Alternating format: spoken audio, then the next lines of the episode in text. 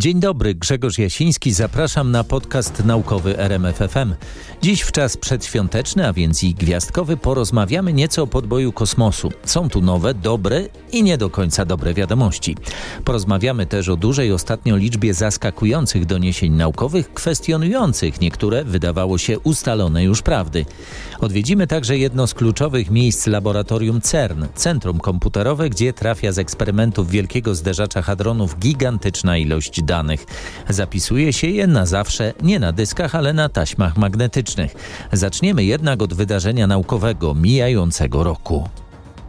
Odkrycie roku 2019 tym razem chyba nie budzi żadnych wątpliwości. Tygodnik Science przyznał ten tytuł opublikowanemu w kwietniu pierwszemu w historii zdjęciu czarnej dziury. Ze względu na fakt, że czarna dziura nie emituje żadnego promieniowania, nie ma możliwości zobaczenia jej i sfotografowania bezpośrednio. Dlatego astronomowie pokazują jej cień. Obraz uzyskano w ramach obserwacji z pomocą teleskopu horyzontu zdarzeń, sieci ośmiu radioteleskopów rozmieszczonych dookoła świata. Obraz Obraz pokazuje czarną dziurę w centrum masywnej galaktyki Messier 87 w gwiazdozbiorze Panny. Obiekt znajduje się w odległości 55 milionów lat świetlnych od Ziemi. Jego masa jest 6,5 miliarda razy większa niż masa Słońca. Widoczny na obrazie cień czarnej dziury to najbliższy obszar, jaki jesteśmy w stanie zaobserwować, 2,5 raza większy niż rzeczywisty horyzont zdarzeń, rejon spoza którego nie jest w stanie uciec nawet światło. Sam horyzont zdarzeń ma średnicę sięgającą 40 miliardów kilometrów, ale z tej odległości pozostaje niezmiernie mały. Autorzy pracy porównują go z obrazem karty kredytowej leżącej na powierzchni Księżyca. Czarne dziury to niezwykłe kosmiczne obiekty o ogromnych masach, których istnienie bardzo silnie wpływa na ich otoczenie, zakrzywiając czasoprzestrzeń i mocno rozgrzewając wirującą wokół nich i ściąganą w ich stronę materię. Zjawiska fizyczne, które im towarzyszą, opisał 100 lat temu w swojej teorii względności Albert Einstein. Do tej pory nie było jednak możliwości weryfikacji jego przypuszczeń. Czarne dziury mogliśmy sobie tylko wyobrażać. Ogłoszone w tym roku wyniki pokazują to, co wydawało się do tej pory niemożliwe do zobaczenia. Trzeba było wymyślić, na co patrzeć, no i to się udało. Nie udała się natomiast, przynajmniej nie w pełni, misja nowej komercyjnej kapsuły załogowej firmy Boeing. Starliner, na razie jeszcze bez załogi, został w piątek pomyślnie wyniesiony w kosmos, ale nie osiągnął orbity koniecznej do połączenia się z Międzynarodową Stacją Kosmiczną. Nie udało się więc przeprowadzić kluczowych z punktu widzenia przyszłych misji załogowych operacji dokowania do stacji. Z drugiej strony pomyślnie przeprowadzono testy związane z pionierskim na warunki amerykańskie manewrem lądowania. Starliner Liner wylądował w Nowym Meksyku, otwierając historię misji kosmicznych USA, które nie kończą się w oceanie, ale na lądzie. Do tej pory Amerykanie z takiej możliwości nie korzystali. NASA, która finansuje program budowy równoległych, komercyjnych systemów wynoszenia załóg na orbitę i która już wkrótce zamierza realnie przygotowywać się do zaplanowanego za 5 lat lotu na Księżyc, robi dobrą minę do złej gry, zapewniając, że misja okazała się sukcesem. Prawda jest jednak taka, że potrzebny będzie prawdopodobnie kolejny bezzałogowy, testowy lot Starlinera do stacji kosmicznej. Loty załogowe znów mogą odsunąć się w czasie. Na czoło rywalizacji wysuwa się firma SpaceX, która swój pojazd Crew Dragon testowała z powodzeniem już w marcu. Co w przypadku Starlinera poszło nie tak? Tłumaczył to jeszcze w piątek szef NASA Jim Bridenstine. Kiedy pojazd oddzielił się od uh, wynoszącej go rakiety, nie uruchomiły się silniki potrzebne do wprowadzenia go na właściwą orbitę. Prawdopodobnie pojawił się błąd w obsłudze zegara misji. Systemy pojazdu uznały, że jest inna godzina niż faktycznie była. Szef NASA zapewnia, że gdyby załoga była na pokładzie, nie zagrażałoby jej niebezpieczeństwo, a prawdopodobnie byłaby w stanie usterkę ręcznie skorygować. Niestety sprawdzić się tego nie udało. Pojazd, który wylądował w Nowym Meksyku, ma zostać przygotowany do załogowej misji. Sunita Williams, weteranka misji kosmicznych NASA, została wyznaczona do tej załogi. Nazwała już Starlinera imieniem Calypso nazwy statku słynnego podróżnika Jacques'a Cousteau. Nie wiadomo jeszcze oczywiście, kiedy misja się odbędzie, no i nie wiadomo, czy poprzedzi ją jeszcze lot innej kapsuły bez załogi na Międzynarodową Stację Kosmiczną. Coś z dobrych kosmicznych wiadomości. Z europejskiej bazy kosmicznej w Gujanie Francuskiej na pokładzie rakiety Sojus Fregat wystartował w kosmos zestaw satelitów komercyjnych i badawczych. Co dla nas ważne, wśród nich jest eksperymentalny satelita technologiczny OPSSAT. To pierwszy przypadek satelity Europejskiej Agencji Kosmicznej wyposażonego w zaprojektowane i wykonane w Polsce oprogramowanie pokładowe. Dzieło specjalistów warszawskiej firmy GMV. Wraz z OPSSAT w misję na orbitę wyruszyły też znacznie potężniejsze próbniki, m.in. HEOPS do badań planet pozasłonecznych i jako główny ładunek włoski satelita radarowego systemu obserwacyjnego Cosmos SkyMet drugiej generacji. OPSSAT znalazł się na wysokości 515 km i przez dwa lata będzie pełnił rolę laboratorium do testowania nowych technologii w warunkach kosmicznych. Ze względu na duże ryzyko i możliwe straty finansowe firmy kosmiczne nie chcą prowadzić takich eksperymentów przy okazji kosztownych komercyjnych misji. Tani OPSSAT daje możliwość testów przy minimalnym ryzyku. W trakcie misji naukowcy i inżynierowie kilkunastu krajów chcą przetestować nowy, znacznie mocniejszy od używanych dotychczas na orbicie procesor i wiele rodzajów korzystającego z jego możliwości oprogramowania. Opowiada mi o tym Krystyna Macioszek z firmy GMV. Ten komputer jest tak jakby eksperymentem tej misji, więc to nie jest e, podstawowy komputer pokładowy satelity, tylko właśnie eksperymentalny, w związku z czym jeśli nie zadziała, no to jest to część eksperymentu, mamy nadzieję, że zadziała i właśnie na tym komputerze, na tym potężnym procesorze e, będą uruchamiane różne inne eksperymenty oprogramowania, które zostały napisane przez, przez różne organizacje i instytucje, które miały okazję zgłosić się do e, Europejskiej Agencji Kosmicznej um, o to, żeby właśnie wystartować na, na obsadzie. Na ile ten y, komputer jest mocniejszy, szybszy od tych, które przeciętnie teraz y, latają na orbitę? Y, no, kilka razy, kilka razy potężniejszy. Jest to również komputer, który, na którym można tak naprawdę uruchomić różne procesory różnego typu. No i właśnie i również oprogramowanie, które tam będzie, jest również eksperymentalne w tym sensie, że może być napisane w językach, które nie są używane standardowo na, na, na komputerach pokładowych satelitów, e, na przykład y, w Javie czy w innych językach. Proszę mi powiedzieć o Państwa oprogramowaniu, które leci i ma rządzić tym, co tam się będzie działo. Y, dokładnie tak. Nasze oprogramowanie, to które y, pisze, y, napisało GMV, jest oprogramowaniem, które ma działać. Tak jak mówiłam, to, które będzie uruchamiane na tym eksperymentalnym procesorze, może nie zadziałać i, i, to też jest ok, bo jest to, jest to część misji. Natomiast nasze oprogramowanie musi zadziałać, jest uruchamiane na zupełnie osobnym komputerze, już nie tak potężnym jak tamten procesor um, tylko no, dużo, dużo słabszym, ale takim też, które już kiedyś leciało w kosmosie, więc, więc jest sprawdzone. No i nasze oprogramowanie ma za zadanie e, kontrolować e, stan, stan satelity. Jeśli w którymś momencie okaże się, że któryś z eksperymentów um, wprowadził satelitę w jakiś um, niepokojący stan, na przykład czy temperatura wzrosła albo albo satelita zaczął w niekontrolowany sposób obracać się na orbicie, wtedy nasz komputer ma, nasze oprogramowanie ma za zadanie przerwać taki eksperyment i przejąć z powrotem kontrolę nad satelitą, doprowadzić go do stanu, sprowadzić go w tryb bezpieczny e, i zawiadomić stację naziemną, że, że coś się stało nie tak. Naszym zadaniem nie jest, nie jest e, wprowadzenie satelity z powrotem w dobry stan, to jest zadanie stacji naziemnej i operatorów w Europejskiej Agencji Kosmicznej.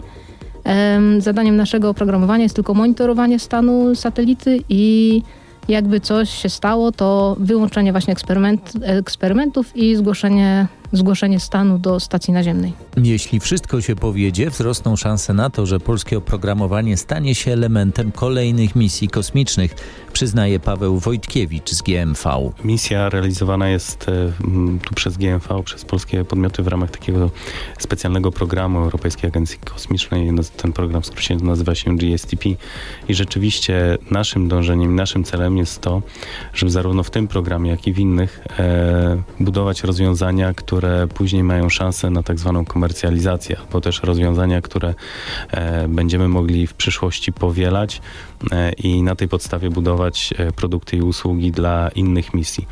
No i tutaj rzeczywiście mm, jest to taki przykład, gdzie w ramach realizacji programu dla Europejskiej Agencji Kosmicznej stworzyliśmy rozwiązanie, na bazie którego możemy oferować konkretne produkty i usługi dla innych misji tego typu.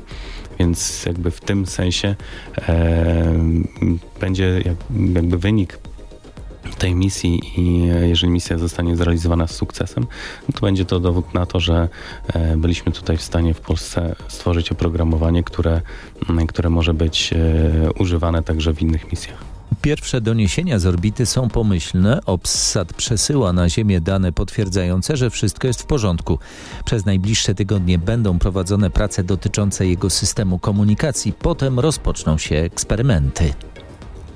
Miniony tydzień przyniósł co najmniej kilka prac naukowych, których tezy stoją w mniej lub bardziej jaskrawej sprzeczności z uznanymi do tej pory prawdami naukowymi, czy wręcz polityczną poprawnością.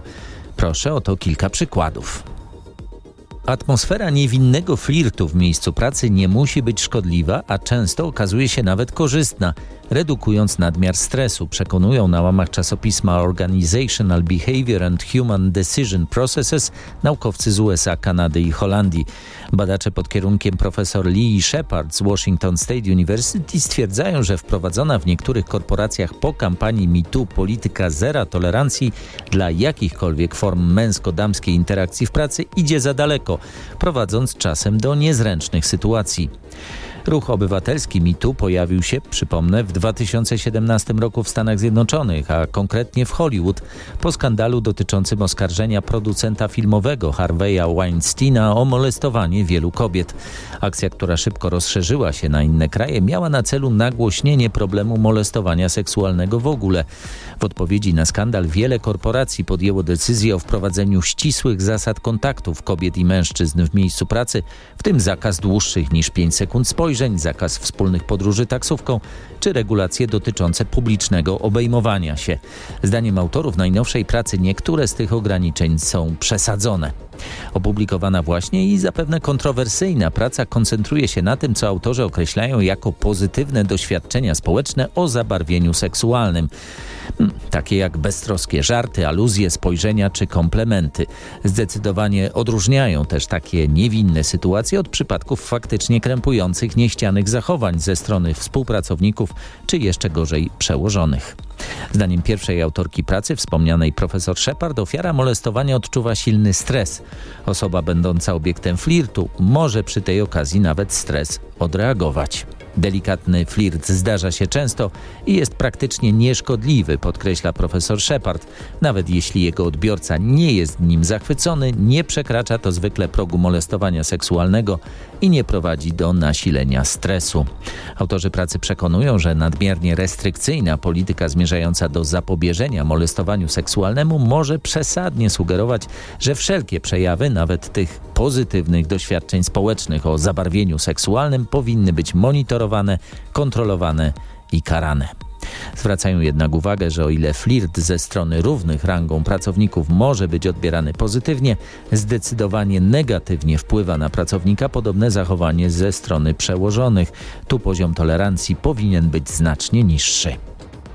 E-papierosy poważnie zwiększają ryzyko przewlekłych chorób płuc i dróg oddechowych, przekonują naukowcy z Uniwersytetu Kalifornijskiego w San Francisco. W pracy na łamach czasopisma American Journal of Preventive Medicine publikują oni wyniki najnowszych badań wskazujących na to, że papierosy zwiększają ryzyko zarówno astmy, jak i zapalenia oskrzeli, rozedmy płuc, wreszcie przewlekłej obturacyjnej choroby płuc. Dodatkowo niepokoi fakt, że to ryzyko rośnie jeszcze bardziej u tych, którzy korzystają z e-papierosów na zmianę ze zwykłymi, tak jakby szkodliwe działanie jednych i drugich się kumulowało. Nowe informacje mają znaczenie dla toczącej się wciąż debaty na temat sensowności promocji e-papierosów jako bezpieczniejszej alternatywy dla palenia tytoniu. Okazuje się, że o ile całkowite przestawienie się na e-papierosy może korzystnie wpłynąć na zdrowie, łączenie jednych i drugich w istocie zwiększa ryzyko.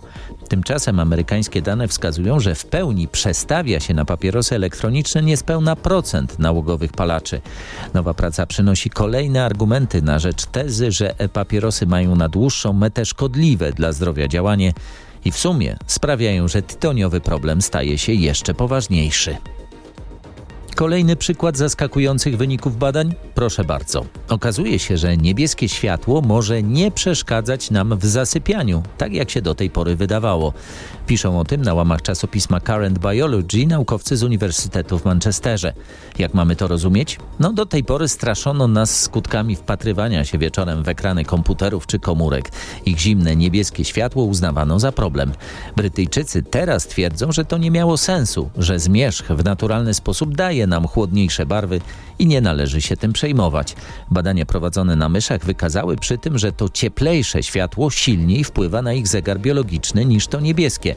Badacze, którzy, jestem przekonany, wzięli pod uwagę fakt, że myszy są aktywne nocą, a w dzień śpią, przekonują nas teraz, że to przyciemnione niebieskie światło wieczorem i silne ciepłe światło rano ułatwiają nam synchronizację z zegarem biologicznym. Zobaczymy, jak długo ta opinia się utrzyma. To niespożycie mięsa jest przyczyną największego śladu węglowego związanego z żywieniem rodzin. Dużo większa emisja gazów cieplarnianych towarzyszy w nowoczesnych społeczeństwach produkcji i spożyciu, uwaga, słodyczy i alkoholi. Takie zaskakujące doniesienia publikują na łamach czasopisma One Earth naukowcy z uniwersytetów Sheffield i Kyoto. Badania prowadzone w Japonii wskazują, że różnice w spożyciu mięsa tłumaczą około 10% różnic śladów węglowych japońskich rodzin. Znacznie większe znaczenie mają różnice spożycia warzyw, ryb, słodyczy i alkoholu. Znacznie wyższym obciążeniem dla klimatu są też posiłki jedzone poza domem. Oczywiście zwyczaje żywieniowe w kraju kwitnącej wiśni mocno różnią się od naszych, ale warto sobie tę wątpliwość wziąć do serca i dokładniej ją przeanalizować.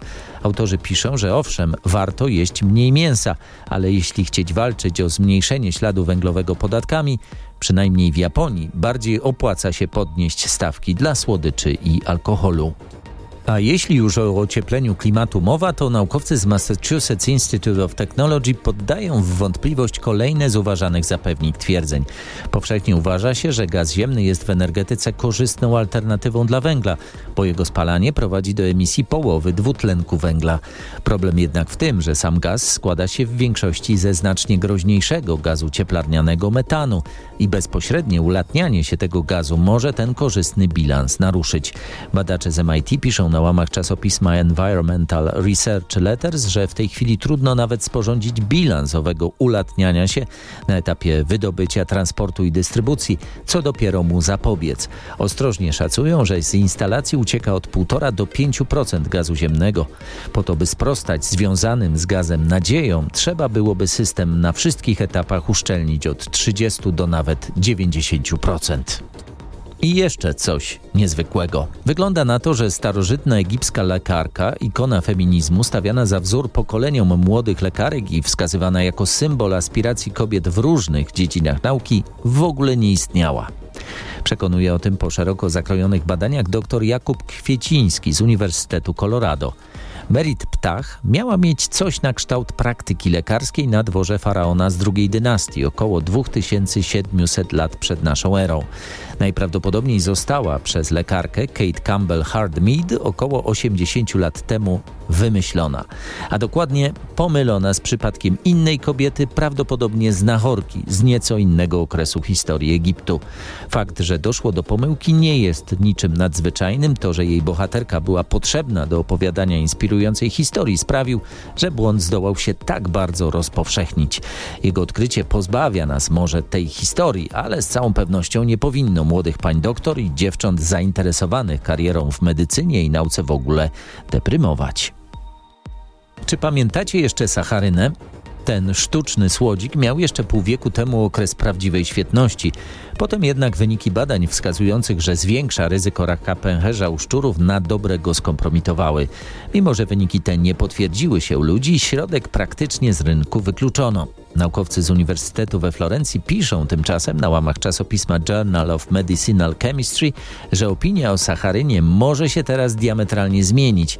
Najnowsze badania wskazują, że nie tylko nie wywołuje raka, ale może mieć istotne działanie przeciwnowotworowe. Ot taka ironia losu. W kolejnym odcinku naszej wycieczki do laboratoriów Europejskiej Organizacji Badań Jądrowych dziś odwiedzamy Centrum Komputerowe CERN. To tam w 1989 roku Tim Berners-Lee wymyślił World Wide Web. To tam powstała pierwsza strona internetowa. To tam przechowuje się do dziś pierwszy komputer, który pełnił rolę serwera internetowego. CERN Data Center jest dziś sercem gridu, czyli całej sieci centrów komputerowych, które współpracują ze sobą po to, by zapewnić wystarczającą możliwość przetwarzania danych pochodzących z eksperymentów wielkiego zderzacza hadronów. Pracuje tam dziś 15 tysięcy serwerów, a dane na zawsze zapisywane są na 30 tysiącach taśm magnetycznych. To tam trafiają ogromne ilości danych zbieranych podczas eksperymentów prowadzonych w zderzaczu i innych eksperymentów CERNu. Dlaczego na taśmy? O tym opowiada mi Katarzyna Dziedziniewicz-Wójcik z CERNu. Dlaczego wciąż stosujemy taśmy? Taśmy wymagają zdecydowanie mniej energii elektrycznej. Dyski muszą być e, cały czas podłączone do prądu. Taśmy do tego prądu podłączone nie są. Dyski są również e, mniej trwałe. Dane, dane odłożone na dysku, do którego nikt nie próbuje się dostać przez e, dysk, do którego nikt nie, z którego nikt nie korzysta przez parę miesięcy czy przez rok, dyski się psuje się. W związku z czym dane na taśmach można zdecydowanie lepiej upakować, są tańsze i jest to przede wszystkim najtrwalszy sposób przechowywania danych. Dane w CERNie, te, te na taśmach również są cały czas przepakowywane, więc w ramach pojawiania się nowych e, algorytmów kompresji na taśmach, w ramach sprawdzania tego, czy dane są czytelne, w CERNie trwa ciągły y, proces czytania tych danych i zapisywania ich y, od nowa. Właśnie po to, żeby się upewnić, że te dane są cały czas dostępne i w dobrym stanie. Jak długo trwa dostęp do danych na taśmach? Dostęp do danych na taśmach, licząc z wyszukaniem taśmy, zajmuje kilka minut. To jest około, trzech, około 3 minut. Ponieważ sam odczyt z taśmy w momencie, kiedy głowica jest już ustawiona w odpowiednim miejscu na taśmie jest bardzo szybki. Jest tak naprawdę szybszy niż odczyt z dysku. Ale wyszukanie taśmy zajmuje dużo czasu. Dlatego dane, których fizycy używają najczęściej, znajdują się na dyskach i dopiero, i dopiero w momencie, kiedy przestają być tak intensywnie używane, są z tych dysków powoli wycofywane. A jaka jest trwałość technologiczna y, y, tej całej metody? To znaczy ona będzie aktualna na zawsze? Tak, plan, plan jest taki, żeby wszystkie tak naprawdę surowe dane, czyli tylko po tym pierwszym stopniu, po tym pierwszym etapie przetworzenia, pierwszym etapie rekonstrukcji, y, CERN chce przechowywać te dane na zawsze. Tak. I to właśnie w ten sposób, korzystając tak, z takiego centrum Tak, korzystając, korzystając z taśm, przepakowując te taśmy, ponawiając ich, e, e, ponawiając ich e, nadpisywanie i tak dalej. Jeżeli w centrum komputerowym CERN jest tylko pierwsza kopia danych, to gdzie są dane przetworzone, używane do analizy. Okazuje się, że są rozrzucone po ośrodkach na całym świecie. Te programy, które służą do ostatecznej analizy, przesyłane są do danych, bo to jest bardzo szybkie. Kod, y, który analizuje, to jest zazwyczaj y, stosunkowo niewielki, w porównaniu do danych w ogóle zaniedbywalny. Przesyła się go do danych i w miejscu, gdzie są dane, one są procesowane, następnie wyniki wracają do użytkownika. Jedno zadanie, jak my to nazywamy, może się wykonywać bardzo wielu miejscach na świecie, w zależności od tego, gdzie dane wejściowe potrzebne do analizy się znajdują. Mówi doktor habilitowany Paweł Brickman-Derenström. CERN gromadzi bardzo dużo danych. Jego możliwości zwiększyła jeszcze budowa centrum komputerowego na Węgrzech, ale wielki zderzacz hadronów za kilka lat gwałtownie zwiększy liczbę zderzeń i tym samym ilość koniecznych do zapisania informacji. Co trzeba zrobić, żeby CERN mógł dalej gromadzić taką ilość danych, jaką otrzymuje i jaką będzie otrzymywał na nowym etapie? Problem nie jest z tym, co już otrzymuje, bo to problem został rozwiązany. Problem się pojawi z, z nową generacją e, eksperymentów, które za kilka lat będziemy e, mieli wprowadzane będą w CERNie chyba w 2026 roku, gdzie ilość przetwarzanych danych ma wzrosnąć okrotność o 10 do 100 razy, zależy jak to będzie zaimplementowane. Problem polega na tym, że, że budżet CERNu przeznaczony na, na przetwarzanie danych jest stały. Więc cały, cały problem polega na tym, jak przetworzyć 10 razy więcej, 100 razy więcej danych z tą samą ilością pieniędzy. To jest największy, największy problem, który będziemy musieli rozwiązać. Będzie potrzebne nowe centrum gromadzenia danych? Będzie potrzebne nowe centrum e, gromadzenia danych, żeby, żeby, żeby przetwarzanie robić jak najbardziej efektywnie z punktu widzenia energetycznego. Ale taśmy pozostaną. Taśmy pozostaną na pewno, jestem przekonany. A czy jest szansa, że grid kiedyś y, będzie, zacznie pełnić podobną rolę, jak, jak pierwsza sieć internetu zaczęła dla tak zwanych ludzi zwykłych? Czy, czy raczej jego możliwości będą, będą wykorzystywane tylko dla celów naukowych? No, trudno powiedzieć. Wszystkie, e, wszystko zależy, znaczy wszystko to, co ludzie potrzebują, się tak szybko zmienia i tak naprawdę ciężko sobie wyobrazić, co my jako użytkownicy będziemy potrzebowali w przyszłości. Wydaje się teraz, że z czysto, z czysto masowego punktu widzenia ludzie bardziej potrzebują Facebooka i wymiany danych niż systemu do, do przetwarzania równoległego danych czy, czy wykonywania obliczeń. No ale kto wie, co nam przyniesie przyszłość.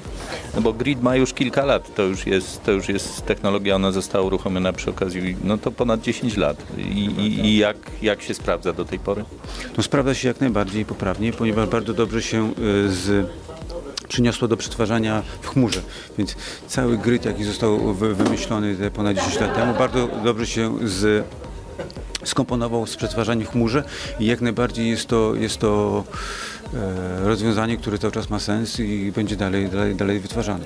Samo słowo grid już jest trochę mniej popularne, ale, ale, ale jako architektura, jako sposób podejścia do problemu to jest jak najbardziej e, e, rozwiązanie, które ma sens tłumaczy Artur Więcek z CERNu. Y, pojemność, szybkość przetwarzania to jedno, chłodzenie to drugie. Chłodzenie jest poważnym problemem wszystkich centrów obliczeniowych, nie inaczej jest w CERN. Temperatura w centrum komputerowym jest tropikalna, przekracza 30 stopni Celsjusza. Szybsze procesory, nawet nowszych generacji, nagrzewają się bardziej i obecnie ilość wydzielanego w tych układach ciepła rośnie podobno nawet szybciej niż ich możliwości obliczeniowe. Trzeba sobie z tym problemem radzić.